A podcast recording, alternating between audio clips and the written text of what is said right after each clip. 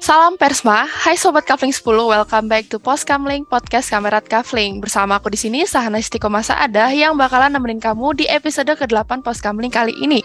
Jadi buat kamu yang belum tahu, Post Kamling atau podcast Kamerat Kavling adalah program podcast dari unit aktivitas pers kampus mahasiswa Universitas Brawijaya atau yang kerap disapa sebagai LPM Kavling 10. Nah, di, di pos Kavling kali ini juga banyak banget bakal ngobrolin berbagai topik seputar jurnalistik, isu-isu sekitar kampus, nasional maupun dunia. Nah, di episode kelima pos Kavling kali ini kita bakalan ngomongin isu yang mungkin relate banget nih buat aku maupun teman-teman semuanya.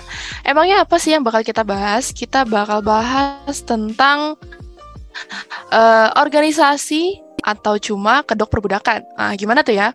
Nah, buat yang mau tahu jawabannya, yuk kita langsung aja nih kenalan sama narasumber kita kali ini, yaitu Kak Adam. Boleh Kak, Kak Adam uh, perkenalin dirinya dan sebutin asalnya dari fakultas mana, asalnya dari daerah mana. Halo Kak Adam. Ya, halo Kak Sanas. Uh, halo semuanya, selamat malam. Kenalin aku Adam Yuda, bisa dipanggil Adam. Biasanya aku dari Fakultas MIPA, jurusan Fisika, angkatan tahun 2021 dan asalku nggak jauh-jauh dari Malang dari Malang sih dari Mojokerto. Oke, halo salam kenal ya Kak Adam, aku Sahnas, aku dari Bekasi. Nah, keren banget nah kan sumber, narasumber kita kali ini. Oke, berhubung narasumbernya udah hadir dan udah siap, langsung aja kali ya kita ngobrol-ngobrol. Uh, sebelumnya kami juga mau ngucapin terima kasih ke Kak Adam karena sudah meluangkan waktunya untuk hadir dan bersedia ngobrol-ngobrol asik di pos kamling bareng teman-teman Soka. Oke, uh, Kak Adam, seperti yang kita tahu kalau belakangan ini uh, banyak mahasiswa yang memilih untuk menjadi bagian dari organisasi baik di dalam kampus maupun luar kampus. Nah, bagian dari mahasiswa itu sendiri juga uh, dengan alasan ingin meningkatkan potensi diri seorang individu pada saat mengikuti perorganisasian. Nah, selain itu banyak yang beranggapan bahwa dengan mengikuti organisasi serta relasi yang lebih baik dibandingkan teman-teman yang tidak mengikuti kegiatan organisasi. Tapi uh, di sisi lainnya, di balik manfaat serta poin positif mengikuti organisasi, terkadang ada beberapa permasalahan nih yang sering dikeluhkan oleh oleh para mahasiswa selama berorganisasi. Nah, salah satunya itu ya mengenai kegiatan atau rutin rutinitas rapat. Nah, uh, rapat itu sendiri kan uh, yang kita tahu adalah bagian terpenting dalam proses berorganisasi ya Kak, lantaran karena adanya rapat tersebut bisa membantu kita untuk memetakan serta mematangkan konsep sebuah program kerja. Nah, sayangnya kegiatan rapat yang dilakukan oleh sebagian organisasi ini terkadang uh, melebihi waktu jam kerja atau bahkan uh, terkesan apa ya membuat kita itu merasa terbe terbebani atau mem terlalu memberatkan gitu.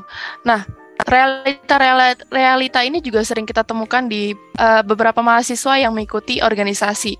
Nah, mungkin aku mau tanya-tanya dulu nih ke Kak Adam, tanggapannya bagaimana? Kalau menurut Kakak sendiri, uh, alasan atau manfaat dari ikut organisasi itu seperti apa sih? Mungkin boleh dijelaskan nih Kak.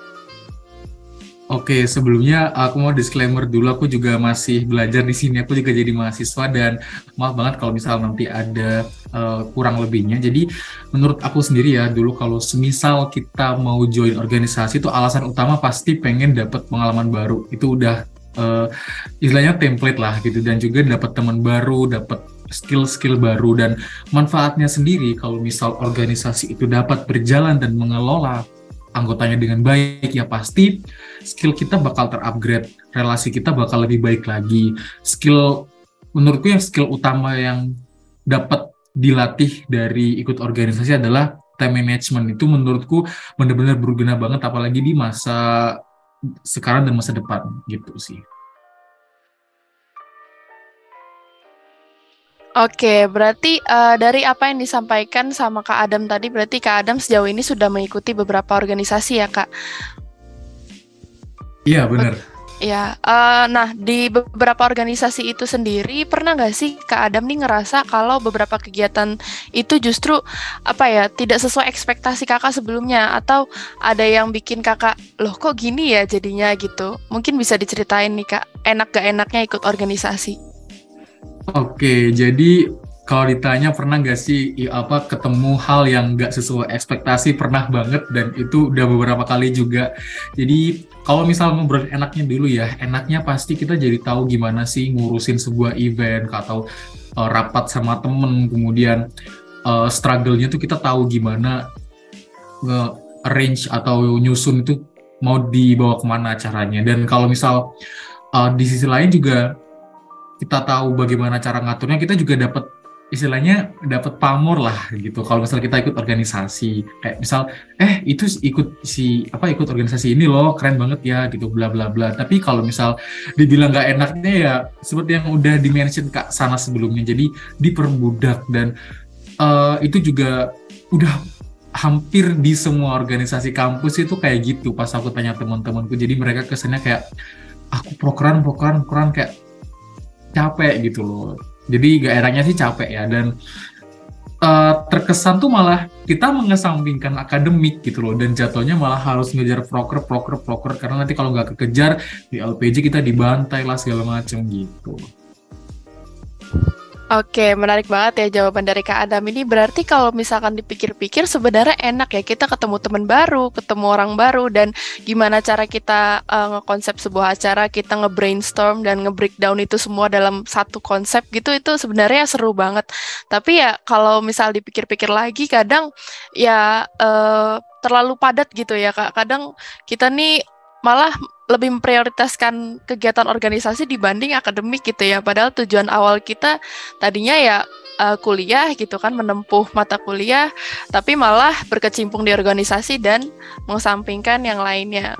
Oke, okay. uh, eh, salah satunya tadi itu ya kayak misalkan rapat yang waktunya ini terkadang melebihi uh, jam waktu kerja gitu atau agenda-agenda lainnya yang uh, terkesan sampai larut malam. Nah, kadang kan masyarakat umum atau masyarakat yang biasa itu memandangnya kayak uh, apa memunculkan stigma-stigma yang diperbudak itu tadi. Nah, menurut kakak sendiri dengan adanya fenomena tersebut, uh, sebenarnya apa sih yang dikejar dari adanya rapat atau agenda yang kelihatannya ini justru memperbudak teman-teman itu sendiri? Oke, jadi uh, aku mau jawab dikit ya. Uh, kalau misal ditanya apa sih yang dikejar, menurutku awalnya itu pasti satu tujuan satu tujuan yang jelas. Kayak misal hmm, rapat bahas rapat divisi gitu ya bahas apa ya pasti udah ada tujuan di awal gitu loh. Tapi uh, yang bikin lama biasanya aku ambil contoh di suatu event gitu ya yang menurutku agak kurang itu adalah adanya evaluasi gitu loh. Misal nih persiapan acara acaranya tuh jam 9 pagi lah gitu. Terus selesai jam mungkin jam 12 jam 1 siang oke okay, kelar gitu. Teman-teman bisa istirahat. Tapi banyak banget organisasi atau kepanitiaan yang kayak evaluasi itu lama banget. Dan itu semua menurutku adalah hmm, awal mulanya sorry to say tapi dari SC SC yang kadang terlalu mengikat dan mereka itu kayak merasa mereka adalah dewa mereka adalah apa gitu kayak kamu nih gimana? Gini gini. Terus yang bikin lama itu kayak pertimbangannya apa ya? Kenapa kamu kayak gini? Kenapa kayak gini? Sebenarnya hal-hal yang nggak perlu dipertanyakan itu ditanyakan lagi gitu loh. Itu yang menurutku bikin rapat dan evaluasi itu kayak wasting time. Sebenarnya kamu itu loh udah dewasa kamu udah mahasiswa sebenarnya kamu itu tahu apa jawaban dari ini tuh tahu. Dan di hari H kita nggak bakal tahu uh, nanti runningnya kayak gimana. Kita udah planning oke okay, fine. Tapi untuk eksekusinya kita nggak bakal tahu nanti kejadian kayak apa. Balik lagi mereka udah mahasiswa tapi kayak hal-hal kecil tuh dipertanyakan dan itu yang buang-buang waktu gitu loh. Itu sih kalau menurutku. Uh, berarti mungkin menurut Kak Adam yang seper, uh, sebaiknya diperbaiki gitu ya dari uh, alur rapat atau agenda itu lebih efisien terhadap waktu gitu. Jadi misal ada hal-hal kecil kecil yang sekiranya tidak perlu dibahas itu ya oke okay lah kita jadikan pembelajaran tapi tidak perlu sampai dilebih-lebihkan atau dibesar-besarkan gitu ya. Sampai kitanya blunder sendiri kadang kan. Kita kadang dievaluasi oke okay, ya saya tahu uh, salahnya di sini terus sebaiknya seperti apa? Terus uh, kenapa harus masih diungkit-ungkitkan ke hal yang lain atau bagaimana gitu ya kak Adam ya Iya bener kayak gitu. Dan menurutku uh, kalau misalnya ada evaluasi atau rapat itu dibikin kesepakatan gitu loh pakai fungsi hasil atau fungsi waktu. Jadi kita benar-benar tahu kalau misalnya fungsi waktu mungkin lebih tepat tuh kalau misal rapatnya malam atau di weekend di, uh, di weekday gitu ya. Di mana kita masih ada kegiatan lain. Misal oke okay, kita rapat hari ini dua jam satu jam gitu maksimalnya segitu. Fine semuanya kita kalau lebih dari itu kita cut. Kalau misal pakai fungsi hasil ya ditunjukin aja di awal kita mau uh, eksekusi apa aja di rapat hari ini misal ABC gitu. Tapi tetap dikasih patokan waktu kira-kira satu bahasan 10-15 menit gitu sih. Dan kalau misal gitu menurutku bakal lebih baik gitu loh. Teman-teman bakal lebih uh, tahu oh habis ini gini gini gini. Dan nggak wasting time Oke oke, bener sih saran dari Kak Adam. Nah mungkin dari Kak Adam sendiri ini ada nggak sih uh, tips and trick kayak misal manajemen waktunya gimana dengan banyaknya rapat, dengan banyaknya agenda dari organisasi. Nah Kak Adam sendiri nih nge apa namanya ngatur jadwal keseharian Kak Adam tuh uh, gimana? dengan mengetahui rapat-rapat yang terkadang uh, jamnya nih ngawur gitu.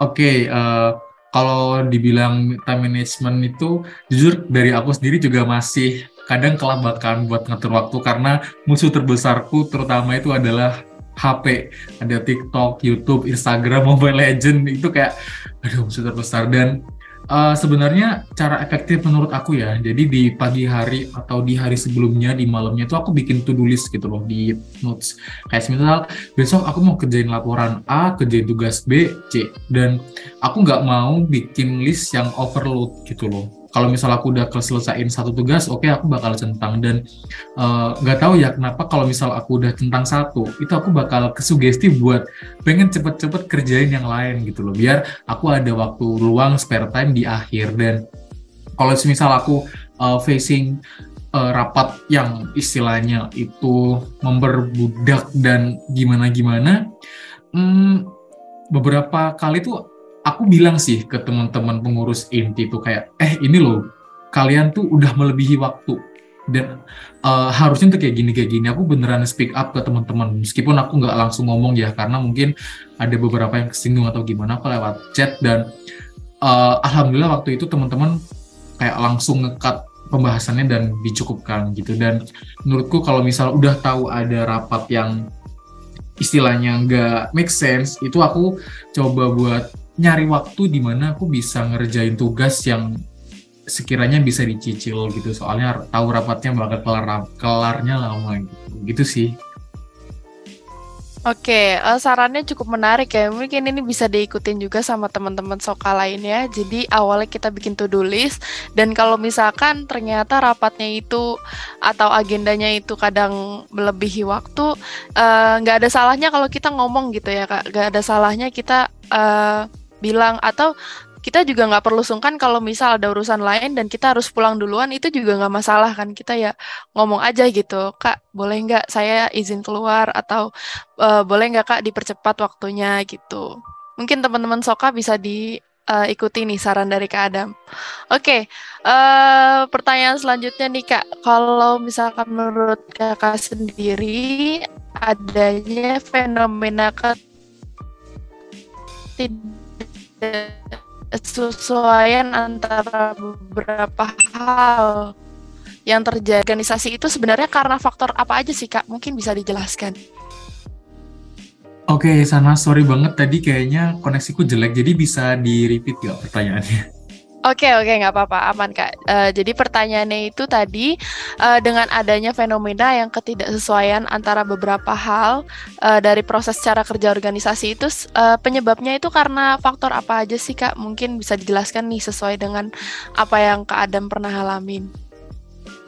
Oke, jadi mungkin uh, ini dari pengalaman pribadi ya, dan aku melihat beberapa kejadian secara langsung. Jadi menurutku ketidaksesuaian antara planning dan eksekusi yang udah dibilang Kasana tadi adalah yang pertama itu kurangnya manajemen waktu gitu loh. Mereka kayak sebelum rapat tuh mereka kadang nggak bikin outline, mereka nggak bikin pembahasan mau dibawa ke mana rapatnya dan pakai fungsi waktu atau hasil. Jadinya mereka kayak ya udah let it flow aja kalau misal rapat atau kegiatan apa. Dan itu menurutku kurang. Jadi uh, bisa dibilang untuk planningnya termasuk manage, time management itu kurang. Habis itu uh, mereka itu terkesan apa ya banyak beberapa orang yang menurutku decision makingnya itu agak kurang. Jadi mereka kayak uh, gimana ya gimana ya gimana ya? Kayak dilontar terus dan jadinya wasting time. Kemudian balik lagi yang udah aku mention juga tadi itu uh, sebenarnya hal-hal yang nggak penting yang nggak perlu dibahas berulang-ulang tuh nggak usah dibahas lagi gitu loh. Aku sampai kesel kayak ya udah lanjut kalau misal udah tahu jawabannya kayak gini nggak usah tanya lagi. Saya misal kayak uh, tadi kamu telatnya kenapa ya? Oh saya ada gini-gini. Kenapa kamu nggak gini ya? Ya nggak tahu gitu loh. Kita nggak tahu apa yang terjadi. Kalau misal hujan atau gimana. Kayak ya udahlah yang penting kan udah running kayak ya udah tinggal kasih saran-saran aja nggak usah belibet gitu sih. Jadi menurutku kurangnya apa tidak sesuai itu mungkin yang pertama kurangnya planning dan time management habis itu membahas hal-hal yang nggak penting nggak perlu kemudian ya decision decision makingnya agak kurang gitu Iya, oke oke. Aku juga ngalamin sih jujur. Soalnya biasanya di rapat itu misal kita ada kendala atau ada masalah yang belum terpecahkan, ini kita kayak akhirnya berkutat di situ terus dan nggak move ke bahasan selanjutnya gitu kan. Jadi mungkin uh, mungkin ya apa misal di pertemuan selanjutnya itu belum apa namanya belum tentu bisa selesai atau memang waktunya ini udah mepet jadi mau nggak mau uh, keputusan ini tuh harus diambil sekarang gitu. Jadi kita uh, lama di situ apa dan akhirnya menimbulkan kemoloran waktu. Mungkin uh, apa namanya misal kita nanti yang memimpin rapat bisa diubah kali ya kak. Jadi jelas gitu pembahasannya sampai mana dan batasan-batasannya itu sampai mana. Misal memang belum terjawab, ya kita diskusi ini di luar rapat gitu atau mungkin uh, meminta saran ke SC gitu kan mungkin uh, bisa digunakan itu fungsi dari SC tersebut gitu ya kak. Iya bener aku setuju. Jadi uh, kayak Sanas bilang tadi gunakan SC. Nah menurutku sebenarnya SC itu ada pasti ada fungsinya gitu loh, nggak mungkin nggak ada fungsinya. Dan uh, kalau misal kita bingung ya tanya SC aku setuju sama Sanas tadi. Dan tapi sekarang tuh mungkin Sanas juga tahu juga ngalamin. Kayak misal SC itu malah kayak hilang-hilangan. Abis itu kalau misal lagi eval tuh kayak dedes apa ya istilahnya tuh kayak nyecar banget. Kayak ada yang strict banget ada yang hilang-hilangan. Jadi kayak kita itu terhambat tuh di SC dan alur misal alur perizinan itu juga lama gitu loh gara-gara S mungkin ada beberapa SC yang nggak sesuai dengan uh, apa ya nggak sesuai dengan ekspektasi kita jadi malah terhambatnya di SC aku setuju sih saran tadi kayak kita tanya ke SC gitu Oke, uh, lanjut nih sebagai salah satu mahasiswa nih kan Kak Adam uh, udah mengalami fenomena-fenomena tersebut yang memang kurang mengenakan. Nah, mungkin Kak Adam juga bisa kasih saran lagi buat teman-teman, uh, buat yang maba terutama, misal mau memilih organisasi. Uh, apa ya misal kita sudah punya jadwal nih jadwal kuliah sudah jelas terus kesibukan kita juga sudah jelas nah uh, kita tuh biar nggak salah pilih kepanitiaan atau nggak salah organisasi itu gimana nih kak? Biar takutnya kan biasanya kita maba tuh nggak tahu apa-apa, kita pengennya cuma cari pengalaman, cari teman, semuanya diikutin dan ternyata semuanya diterima gitu. Dulu saya gitu saya jujur. saya pengen ikut ini, pengen ikut itu, loh kok semuanya diterima, loh kok tahu-tahu bebannya di saya semua gitu. Nah mungkin dari Kak Adam sendiri ada saran gitu. Misal oh aku udah keterima di divisi acara apakah seharusnya saya memilih di divisi apa di organisasi lain begitu mungkin kak Adam ada tipsnya gimana kak Oke, okay, thank you Sanas. Jadi kalau misal dari aku sendiri mungkin berdasarkan pengalaman pribadi juga, yang pertama itu jadi maba, jangan FOMO teman-teman. Jangan takut buat kehilangan sesuatu, jangan takut buat apa ya istilahnya nggak ambil sesuatu. Nggak semuanya itu harus diselesaikan saat itu juga. Nggak semuanya harus diambil. Nggak semua keinginan tuh harus kita capai. Nggak maksudnya nggak harus kita ambil gitu. Misal ada organisasi ABC kayaknya minatku di sini semua. Terus UKM ABC kepenelitian ABC malah jatuhnya utamanya kuliah utamanya akademik jadinya terbengkalai. Jadi jangan FOMO. Pelan-pelan aja pasti bisa. Dan uh, yang kedua observasi dulu aja gitu loh. Maba itu menurutku kita masih punya banyak waktu manfaatin soalnya semester 3 2 ke atas itu udah kayak wah tugas laporan multi buta. Dan uh, menurutku kalau misal awal-awal ya ikut hmm, mungkin staff magang, staff apa ya, staff muda dan macam macam-macamnya yang kayak misal cuman tiga bulan aja dan itu menurutku bagus banget buat pengenalan dan uh, coba jangan terlalu percaya yang ketiga jangan terlalu percaya omongan cutting yang kayak oh ini bagus deh ini apa? Allah itu agak bullshit ya teman-teman. Jadi kita lihat dulu organisasinya tuh kayak apa punya value nggak punya image nggak brandingnya bagus apa enggak jadi uh, terus alur rapatnya terutama eksekusi evalnya tuh kayak gimana dan kalau misalnya kita udah tahu seluk beluknya bolehlah kita ikut di semester 3 atau 4 dan menurutku itu lebih baik. Soalnya semester 1 2 teman-teman bisa perbaik bisa naikin IP dulu. Soalnya ya ada beberapa jurusan yang semakin tinggi tuh kayak wah susahnya minta ampun. Mungkin hampir semua jurusan ya. Jadi uh, yang pertama tadi jangan FOMO. Abis itu jangan terlalu percaya omongan cutting. Observasi dulu dan uh, tahu kapabilitas aja lah. Tahu kapabilitas dan minat mungkin ah sorry Sanas aku saran dikit lagi boleh nggak? Iya iya boleh boleh kak. Lanjut aja.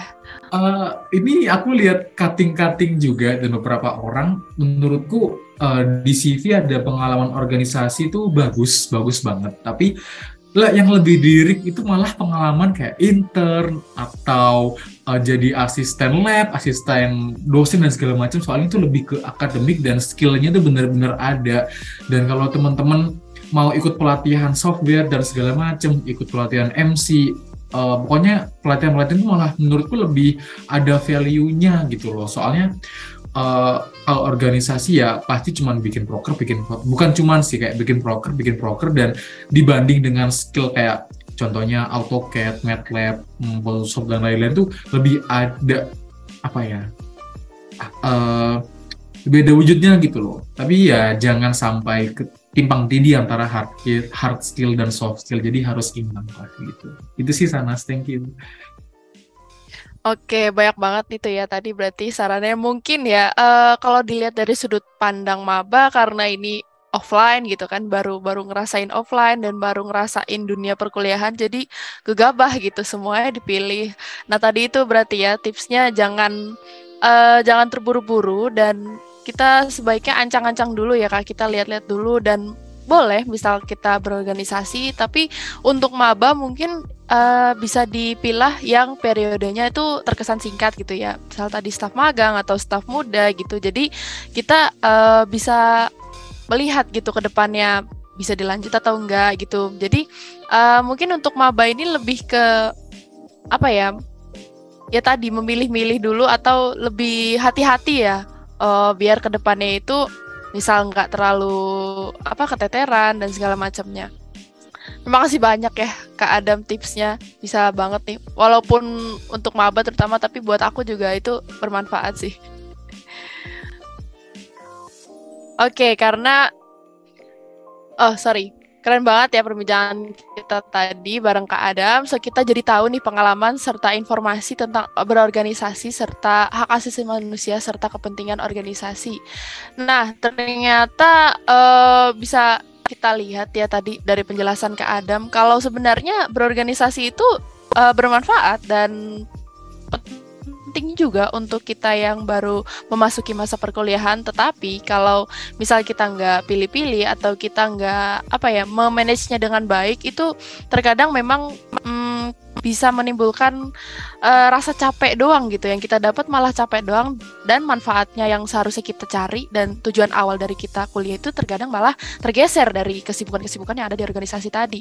Nah, uh, seharusnya itu bagaimana? Ya seperti yang dibilang tadi Kak Adam, kita seharusnya mm, milih-milih dulu atau ya lihat-lihat dulu dan kita pastiin dulu tujuan awal kita untuk masuk organisasi itu untuk apa, yang kamu cari itu apa, dan yang uh, pengen kamu tingkatin dari kualitas diri kamu sendiri itu apa. Nah, Gak berasa ya saking asiknya ngobrol bareng Kak Adam nih. Sampai lupa juga nih waktunya udah habis ternyata saya udah diingetin sama timekeeper. Maaf banget nih Soka waktu buat nemenin Soka udah habis di episode ke-8. Tapi tenang aja Soka, Pos Kamling bakal hadir dengan episode-episode terbaru yang pastinya gak kalah menarik. Nah sebelum kita tutup episode hari ini dari Kak Adam sendiri, apakah ada closing statement untuk teman-teman Soka yang jadi pendengar kali ini? Oke, jadi manggilnya uh, Soka ya. Untuk pendengar kita. Oke, okay. uh, eh, untuk teman-teman Soka nggak ada salahnya untuk upgrade diri untuk uh, tingkatin kapabilitas, tapi ingat semua yang berlebihan tuh nggak baik. Jadi lebih uh, aware dalam memilih dan memilah. Terima kasih. Oke, bisa diingat-ingat tuh ya teman-teman. Oke, langsung aja nih. Terima kasih ya Kak Adam sudah meluangkan waktunya. Semoga ilmu dan informasi yang sudah diberikan dari Kak Adam bisa menambah pengetahuan teman-teman Soka. Dan buat teman-teman, terima kasih banyak sudah meluangkan waktunya untuk mendengar post coming episode ke-8 hari ini. Stay tune terus untuk episode selanjutnya yang tentunya bakal dibawain oleh podcaster-podcaster kece dan isu yang gak kalah menarik. Makanya buat terus update isu menarik di post coming dan jangan lupa follow Instagram Kavling di @lpmkavling10 dan website kavling10.com. Uh, saya Sana Istiqomah, pamit undur diri. Sampai jumpa di episode selanjutnya. See you next time, Soka.